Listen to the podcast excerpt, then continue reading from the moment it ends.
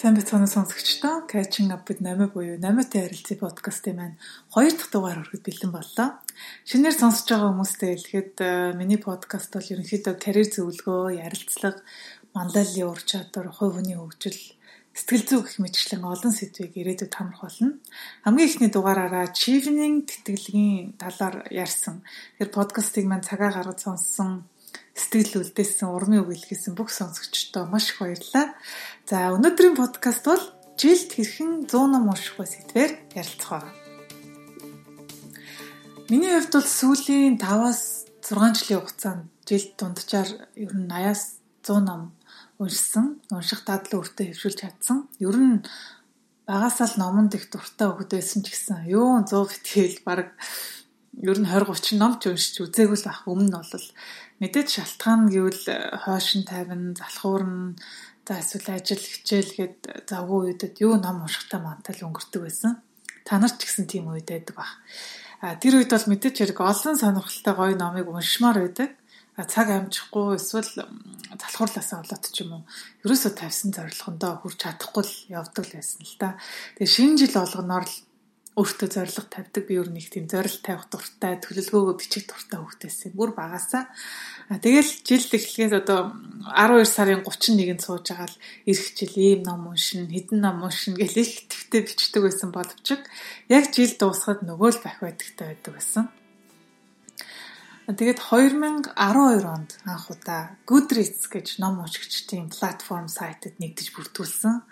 Мэдхгүй байгаа сонсогчдод байвал www.cig goodreads.com гэж хаягаар ороод сонирхож үзээрэй. Энэ вебсайт маань ямар учиртай вэ гэхээр нэг өсөндөө ном уншигчдын social platform гэх юм уу да. Найзуудтай болон уншсан номынхоо сэтгэлийг хүчин тэмдэглэл хөтлөн гэд маш олон давуу талтай сайт байгаа. Надад тухайн үед бол хамгийн таалагдсан зүйл нь өөр өөртөө reading challenge хийдэг юм. Тэгэхээр тухайн жилдээ хідэн ном уншмаар байгаагаа зорилт болгоод тэмдэглэж авдаг нэг авууштай санагдчихсан. Тэгээд өөртөө зориг тавьсны дараа бол чиний унших явц хэр удаан байна, хэр хурдан өрнжийн, хідэн ном унших дутуу байна, мөн өөрийнхөө зорилтоос хэр хоцорж явж байгаа гэх мэт мэдээллийг тогтмол харах боломжтой болдог. Зарим үед бол за төлөвлөгөөнийсөө арай хоцроод 3 номоор хоцорж явж шүү гэх мэдээллийг мэйлээр бас авч болдог байгаа. Тэгээ тэрнээс хойш энэ аппликейшнийг бол би Facebook ч юм уу бусад сошиал платформоос дутахгүйгээр хэрэглэж хэвшсэн Хэрвээ нэгдэж амжаагүй найзууд байвал яг одоо бүртгүүлээрэй гэж зөвлөе. Магадгүй миний энэ жилийн уншсан номны жагсаалтыг хараад илүү дэлгэрэнгүй ярилцъя гэвэл goodreads.com хаягаар холбогдож олно шүү. Зарим нэг сонсогчд маань гайхчихж магадгүй л дээ. За Goodreads гэдэг нэг юм вебсайт бүртгүүлчихдэг юм байж. Хамгийн гол нь яаж тэр олон номыг унших юм бэ? Тэр их цаг хаана байна? Эсвэл speed reading ч юм уу хурдан унших техник сурах хэрэгтэй мó гэж бодож иш магадгүй.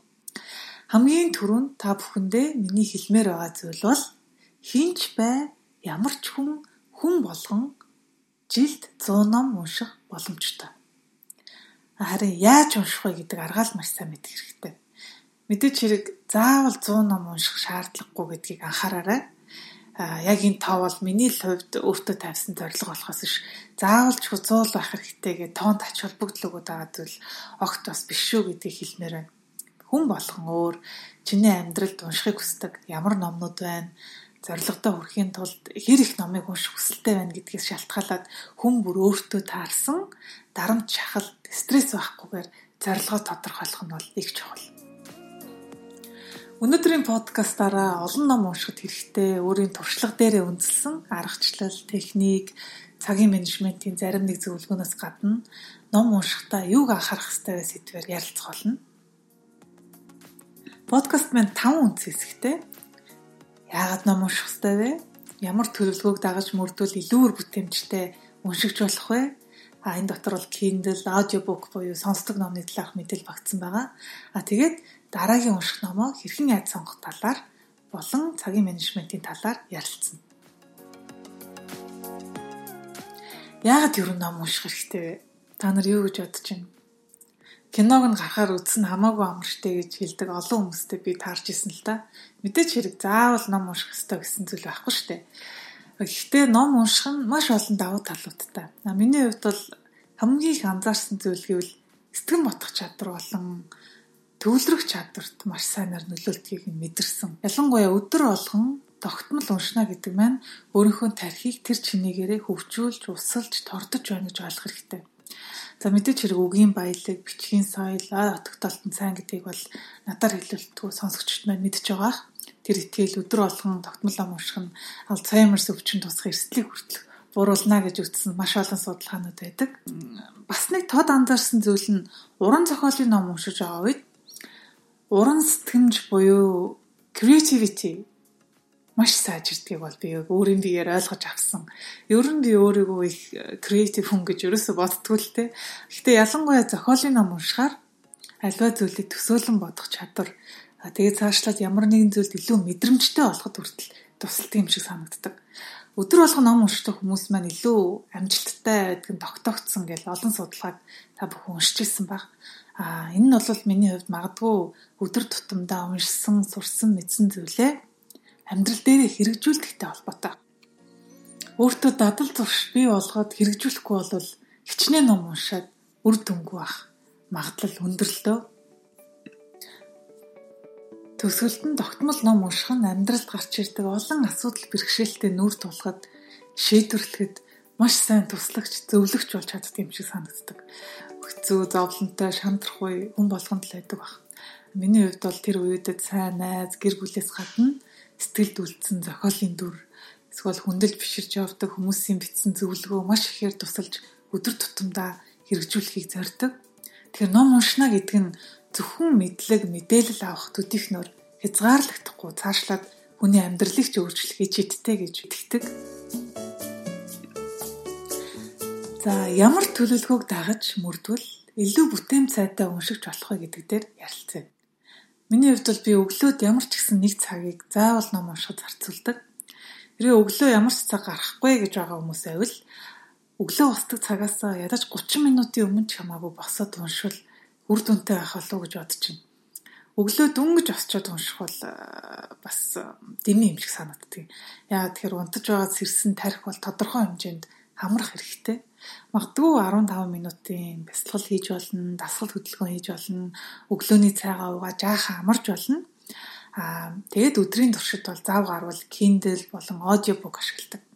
Оройд бүх ажлаа дуусгаад а тэгээд дараагийн өдрийн төлөвлөгөөгөө гаргасны дараа бас нэг 30 минутаас 1 цаг заримдаа бүр 2 цаг унших тохиолдол байдаг.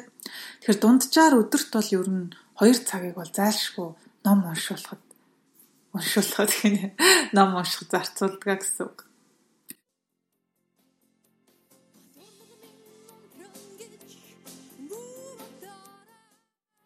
Хаач явсан цог гэж мэдэрээгээд эсэрчмагийн дунд аюул дуртай байсан.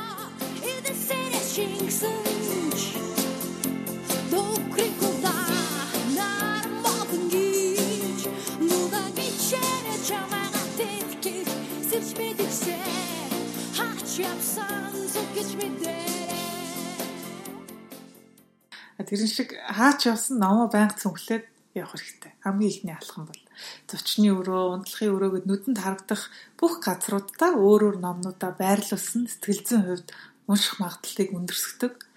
Аа бас нэг зөвлөгөөг бол ном уншихтаа аль болох өөр өөр төрлийн ном уншвал их зүгээр. Дандаа хувь хүний хөгжлийн ном унших эсвэл зөвхөн уран зохиолын ном уншдаг хүмүүс байдаг. Миний хувьд бол аль болох холиод илүү олон төрлийн ном унших нь үр дүнтэй юм шиг санагддаг түүх, нийгэм, за уран зохиол, спорт, намтар, бизнес, шинжлэх ухаан, яруу найраг, философи, сэтгэл зүй, хошигнол гэл маш олон төрлийн ном байгаа шүү дээ, тий. Тэгэхээр олон төрлийн ном уншсан цар хүрээ тэлдэг. Аа, илүү өргөн цар хүрээтэйгээр сэтгэн бодоход тусалдаг гэж би боддог л доо. Миний хувьд бол ямар ч хувийн хөгжлийн номноос илүүтэйгээр классик уран зохиолын номнууд амьдралыг маань өөрчлөх хүртэл хэмжээнд урам зориг өгчээсэн тохиолдлууд аюух байдаг. Тийм болохоор нэг хэвийн хөвшмөл биш ном уншихтаа ч гэсэн аль болох хайрцагнаасаа гарч сэтгэрэй гэж зөвлөмөр байна. За Kindle буюу электрон ном уншигчийн талаар товчхон ярилцъя. Онлайнаар Kobo, iPod гэдэг олон платформуд байдаг. Миний хувьд бол Kindle-ийг хэрэглээд маш олон жил болж байна. Ер нь Kindle байхгүй байгаа сонсогчдоо хандаад хэлэхэд цаг санхүүгийн хувьд хэмнэлттэй байж чаддаг учраас ер нь авцсан байхад бол илүүтэхгүй. Сүүл шалахад хамгийн хямдхан Kindle ойролцоогоор 70-аас 80 доллар орчмоор зарагдаж байсан. Учиргүй үнэтэй биш учраас бас авахд бол их боломжийн. А миний хувьд яг одоо ямар Kindle хэрэгэлдэг вэ гэж зарим сонсогч маань асуусан байсан. Тэгэхээр би Kindle Oasis хэрэглэж байгаа. Тухайн үед бол ойролцоогоор 300 долларын үнэтэй зарагдчихсан. Яагаад энэ Kindle-ийг сонгосон бэ гэхээр нэгдүгээр усны хамгаалттай. усны хамгаалт яагаад надад чухал вэ гэхээр би зарим үед Kindle-ийг барьж авчаал гараа авах ч юм уу гэж яг ус оруулах эсвэл бороонд барьж авчаад хуучин Kindle-үүдтэй ажиллагаагүй болгосон тохиолдлууд аюух байдаг. Бас нэг том давуу тал нь аудио ном сонсох боломжтой. Шинэ Noses Kindle маань. Тэгэхээр э, Bluetooth хийвч ашиглаад ном уншиж агаад нүд ядрах тохиолдолд шууд ингэж хөвчээрээ яг тэр зогссон газараасаа эхлээд сонсох боломжтой нь давуу тал юм шиг санагддаг. За ер нь бол Kindle маань э, бусад iPad ч юм уу утастай харьцуулахад бэхээр хийгдсэн учраас нүдэнд их аюулгүй. Хичнээн олон цагаар уншсан ч гэсэн нүд ядрах нь харьцангуй бага байдаг. Цаасан номноос ялгаатай давуу тал нь юу вэ гэхээр нэгдүгээр тол бичиг. Зөвхөн англиас англи хэл рүү биш бусад хэл дээр тол бичиг суулгах боломжтой болохоор мэдхгүй үгээ хараад явхад их амар санагдтыг. А бас дээрэс нь Kindle дээр vocabulary builder гэж шинэ үг сурах боломжтой хэсэг байдаг. Тэгэхээр номоо уншиж явах хугацаанд тол бичигнээс харсан үг олгон чинь хадгалагдаад карт байдлаар харагддаг. Мэдхгүй байгаа шинэ үгээ нэг удаа хараад өнгөрөх биш цээжлэх боломж өгдөг нь даав гэсэн үг л дээ. А хоёрдугаарт ер нь ихэнх Kindle дотроосоо гэрэлтэй байдаг. Тэгэхээр аялж явхад ч юм уу харанхуй орчин эсвэл хажууд хүн унтаж байхад заавал гэрэл асаахгүйгээр унших боломж олгодгоор бас их давуу тал. Тэгээд мэдээч хэрэг багтаамж болон авсаархан байдал нь их чухал. Kindle-ийн багтаамж ойролцоогоор 8-аас 32 ГБ гэдэг шиг санагдчихэв. Тэгэхээр нэг өсөнтөө хэдэн зуун ном хийгээд аваад явхад олно гэсэн. Аа миний хувьд бол аяллаар ч юм уу ишээ тийшээ явах үед ачаагаа дандаа хэтрүүлдэг. Тийм болохоор олон ном авч явах боломж байдаггүй. Тэр үед бол Kindle дээрээ 10-аас 20 ном хийгээд суулгаад авч явах нь илүү хэлбэр санагддаг. Audiobook буюу сонсдог номын хувьд Amazon-ы audible.com хаягийг ашигладаг та нар аппликейшн хэлбэрээр бас татаад авч болдог. Сардаа нэг ном сонсох бол ойролцоогоор 8 паунд буюу нэг 24 мянга орчим төлдөг. Харин их олон ном сонсныг үл жилийн хур хамж нь нэлээд өндөр байдаг шиг санагдчихэв. Нэг 110 паунд төлөөд жилдээ ойролцоогоор 300 мянган төгрөг гэсэн. А тэгээд 24 ном татаж сонсож болдог. За миний хувьд бол ном сонсоход хоёр том давуу тал байдаг гэж боддог. Электрон цаас хэлбэрээр уншаас илүүтэй. Нэгдүгээрт машин төгжрөх ч юм уу эсвэл алхаад явж явах үедээ сонсох боломжтой. Kindle юм уу номоо барьсан чигээрээ алхаад уншина гэж бас байхгүй шүү дээ. Аа зарим хүмүүс бол машин сууж явахдаа ном уншиж чадахгүй дотор нь ухаан оргоо толгой нэргдэг хүмүүс байдаг. Тийм үеүүдэд бас сонсоод явах нь илүү хэлбэр байдаг. Ялангуяа машин барьдаг залуучууд маань бол ном сонсоод явбал илүү үр дүнтэй. Аа нэг ном сонсоход дунджаар нэг 2-оос 9 цаг зарцуулдаг. Миний хувьд бол ном сонсоход э, ер нь ихэнх тохиолдолд хэд удаан яриад байгаа юм шиг санагддаг болохоор яриагийн хурцгаад сонсч болдог. Хэрвээ сонсож явах явцад ойлгомжгүй хурдан ярьж байгаа юм шиг санагдвал эсрэгээр нь удаашруулад сонсох боломжтой байдаг. Хоёр дахь бас нэг том давуу тал нь юу гэхээр зарим үед номыг бичсэн зохиолч нар нь өөрсдөө номоо уншдаг нь надад маш их таалагддаг. Илүү ойрхон санагддаг л да зарим үед номоо уншиж байхдаа тухайн зохиолынхоо одоо хошин шогийн мэдрэмж ч юм уу тухайн зохиолч маань ямар үгийг ямар үед хэлсэн бэ гэдгийг ойлгохгүй өнгөрөх тохиолдол илүү их байдаг. Тийм болохоор хэрвээ зохиолч нь өөрөө уншсан байвал би бол цаас юм уу электрон хөлбраас илүүтэйгээр шууд уншихаар сонгодог ба. Ямар ном унших вэ гэдгээ сонгохдоо цаг гаргаж зорж судалж байх хэрэгтэй. 30 минут ч бай, 1 цаг ч бай, хайртай хүмүүстэйгээ цаг зарцуулах. Одоо амьдралын олон сайхан зүйлээс татгалзаж сонгож байгаа цаг учраас одоо хөнгөн хуумгай бити хандаасаа гэж зөвлөмөр байна. Зарим хүмүүсийг анзаархад энэ их гоё ном гэсэн энийг л уншия. Эсвэл тэр номыг сайн гэх юм байлээ олж унших мэтэр номын сонголтондоо бол нэлээд одоо хуумгай ханддаг. Ямар нэгэн номыг сонгохдоо чиний амьдралд ямар хэрэгтэй, ямар зорилгоор унших гэж байгаа тодорхойлоод Тэгээд ямар хүн бичсэн номын ревю буюу шүүмжийг нь маш сайн судалж иж уншвал зүгээр. Аа за жишээ татхад бол зарим хүмүүс хэрхэн баяжих вэ гэж ном бичээд тэр бичсэн номоороо хөрөнгөцсөн хүмүүс байдаг шүү дээ. Тийм зохиолчийн номыг бол би бол хязгаарч уншихгүй. За хаанаас э, номын шүүмжийг хардаг вэ гэхээр миний хувьд бол New York Times, New Yorker, за Kirkus Review, NPR, um за Goodreads гээд э, Millions гээд бас вебсайтыг ашигладаг. Зарим тохиолдолд Amazon ревю бас унших тохиолдол байгаа. Ялангуяа хувь хүний хөгжлийн номыг уншихдаа зохиолчийн яриаг YouTube-ээр сонсох, судалгаа хийж иж ямар хэлбэрээр бичигдсэн бэ гэдгийг нь э, их сайн судлах хэрэгтэй. Уншихынхаа өмнө Зарим нэг номны хувьд бол баг онлайнаар 15 минут тийм видеог нь үзээд гол гол санааг нь харахад хангалттай санагддаг олон номнууд байдаг. За дараагийн хэсэг цагийн менежментийн талаар товчхон ярилцъя. Ер нь хүн яагаад хүссэн хэмжээндээ уншиж өөрийн зорилгодоо хүрч чадахгүй байна гэхээр нэгдүгээр өөртөө хит өндөр зорилго тавьснаас болоод тэр нь дарамттай, стресстэй санагдсанаас болоод болох үед байдаг. Хоёрдугаар хит их юм бодож санаа зовоод ямар нэгэн үйлдэл акшн гаргаж чадахгүй байх байдаг. Гуравдугаарт хит их яарах эсвэл хит их хичээхээс болоод өөрийн зорилгоо сайн тодорхойлж чадахгүйгээсээс болдог. Тэгэхээр жилд 100 ном унших талаар э, ярьсных хэдүүлээ одоо бодцгоё л доо. Тэгэхээр жилд 100 ном гэдэг маань сардаа дунджаар 8 ном гэсэн үг. Тэгэхээр 7 хоногт дунджаар 2 ном гэсэн үг болж байна те. Тэгэхээр жилд 100 ном гэдэг чинь маш их санагдаж байгаа боловч 7 хоногт 2 ном гэхээр харьцангуй боломжийн санагдаж байгаа болов уу гэж найдаж байна. Тэгэхээр нэг ном дунджаар за нэг 250-аас 350 хуудас гэж тооцоолол өдөрт унших хуудасны хэмжээ одоо нэг 70 хэдэн хуудасаас эхлээд нэг 100 хуудас гэсэн үг байхгүй юу. Тэгэхээр хэрвээ жилд 50 ном уншина гэж зорилгоо тавьбал өдөрт дунджаар 30-аас 50 хуудас уншина гэсэн үг. А миний хувьд бол э, жилд 100 ном унших хэрэгтэй гэж бодхоос илүүтэйгээр өдөрт дор хаяж 5-аас 50-аас 100 хуудас уншина л гэж зорилт тавьдаг. А зарим хүмүүст бол их боломжийн санагдаж байгаах. Зарим хүмүүст бол бүр их боломжгүй юм шиг санагдахыг үгүйсэхгүй. Тэгэхээр өдөрт 30 хуудас уншина гэдэг маань өдөрт дор хаяж 30 минут уншина л гэсэн үг ном уншихтаа бас нэг арга хэрэгэлдэг. Тэр нь юу вэ гэхээр өдөр бүр унших хэвээр хуудасныхаа өмнө өнгө өнгө стикерүүд наачдаг юм би. Тэгэхээр унших номынхоо чагсаалтыг гаргаж агаад яг 50 хуудас байна уу 100 хуудас дээр өнгө өнгө стикерүүд наачдаг. Тэгэхээр оройдоо ч юм уу ном уншиж явах хугацаанд яг тэр наасан тэр өнгийн наалт хүртлээ уншихыг зорилттой болгодог. Тэгэхгүй бол за би өнөөдөр хэдэн хуудас уншиж чинь 12 хуудас 13 хуудас гэд хуудасаа тоолоод байхыг хүсдэггүй.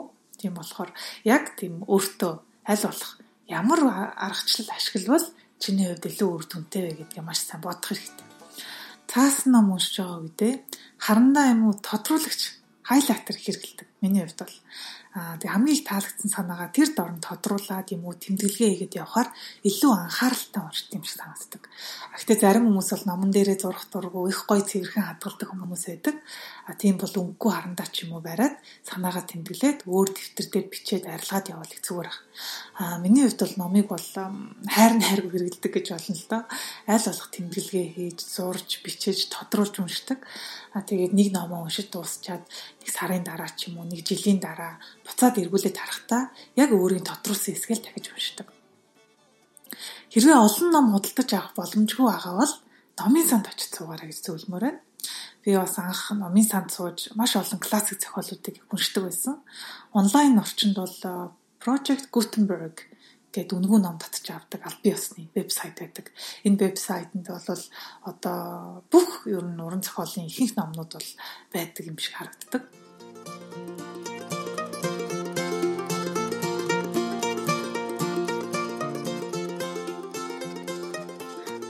Дараагийн хэсэг бол ном унших цагаа яаж гаргах вэ? Бүгдээрээ өөр өөрсдийн гэсэн завгүй амьдралтай ном унших битэл тухтай амраа цугч завгүй байгаа хүмүүс олон байгаа. Тэгэхээр ном унших цаг гаргана гэдэг маань цагийн менежмент сайтай байна л гэсэн үг л дээ. Тэгэхээр яаж цагийн менежментээ сайжруулах вэ гэдэг дээр би өөрийн туршлагаасаа үндэслээд хэдэн зөвлөгөө өгье. Нэгдүгээр интернет, сошиал медиа орчинд хэрэг цаг хугацаа зарцуулж байна гэдгийг олж мэдэх хэрэгтэй. Social media tracker гэдэг олон аппликейшнуд байдаг. Тэгээ яг ямар хугацааг юунд хамгийн ихээр өдөр зарцуулж байна гэдгээ эхлээд олж мэдэх хэрэгтэй. Зарим үед бол хүмүүс бүр 2-оос 3 цагийг Facebook юм уу, Instagram-да зарцуулсан байдгаа олж мэддэг. Тэгэхээр нэг дор бол 3 цаг Facebook ашиглана гэсэн үг биш. А нэг орохдоо 10 минут, дахиад нэг орохдоо 30 минутын бичлэг үзэхийг мэтэр маш их цаг хугацааг зарцуулснаа олж мэддэг л дээ. Тэгэхээр энэ бүх хугацаагаа ном уншихтаа зарцуулбал чиний амьдралд илүү хэрэгтэй. Аа би Samsung-ийн утас хэрэгэлдэг. Тэгэхээр Android дээр Stay Focused гэдэг аппликейшнийг бол тогтмол хэрэгэлдэг. Ер нь хэрэглээд их удаж байгаа. Энэ нь яадаг аппликейшн вэ гэхээр хамгийн их цаг үрдэг аппликейшнүүдтэй өдөр зарцуулах цагийн лимит тогтоож өгдөг. Миний хувьд бол Instagram болон Facebook дээр өдөрт 30 минут орох эрхэл өөртөө өгдөг. Аа тэгэхээр уг нь бол сошиал медиаг ашиглаж байгаа мэд харагддаг боловч яг хурдан ороод унших юмаа уншаад пост өчгээр бол бичээд тэгээ гардаг. Дөнгөж орох төдийд л одоо минут нь 20 минут, одоо 29 минут, 59 секунд гэж яваад эхэлдэг болохоор дураараа 40 минут сэлгүүцэх боломж бол олддгоо. YouTube, BBC, бусад мэдээний сайтн дээр бас их цаг зарцуулах гэдэг учраас тэр бас бусад бүх аппликейшн дээр бас 30 30 минутын лимит тогтоочдөг. Тэгэхээр та бүхэн бас нэг иймэрхүү техник ашиглаад үзвэл цаг хэмнэхэд их туслах байхаа гэж найдаж байна.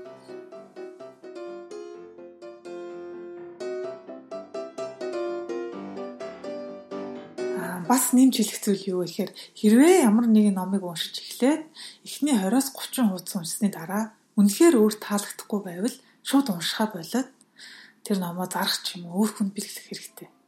Хүчилж бол ном унших хэрэггүй. А гэхдээ ном сонгохдоо нэлээд сайн судалгаа хийсэн бол ер нь дундаас нь орхих тохиолдол харьцангуй бага гардаг.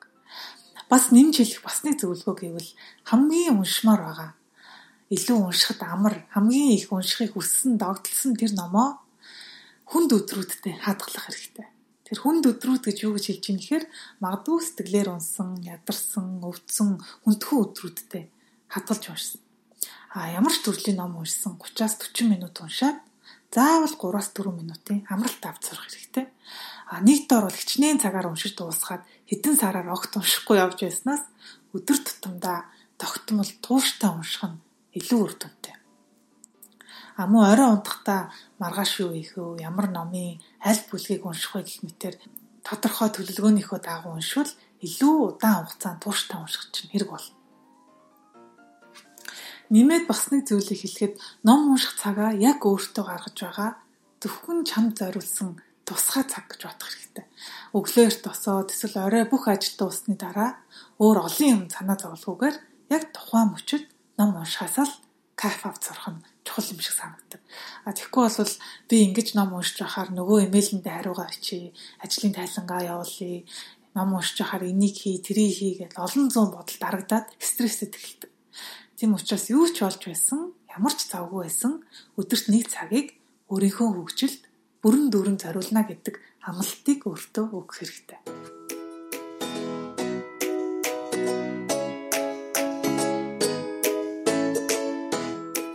Төгсгөлд нь хэлэхэд жилд 100 ном унших боломж хүн бүрт байгаа.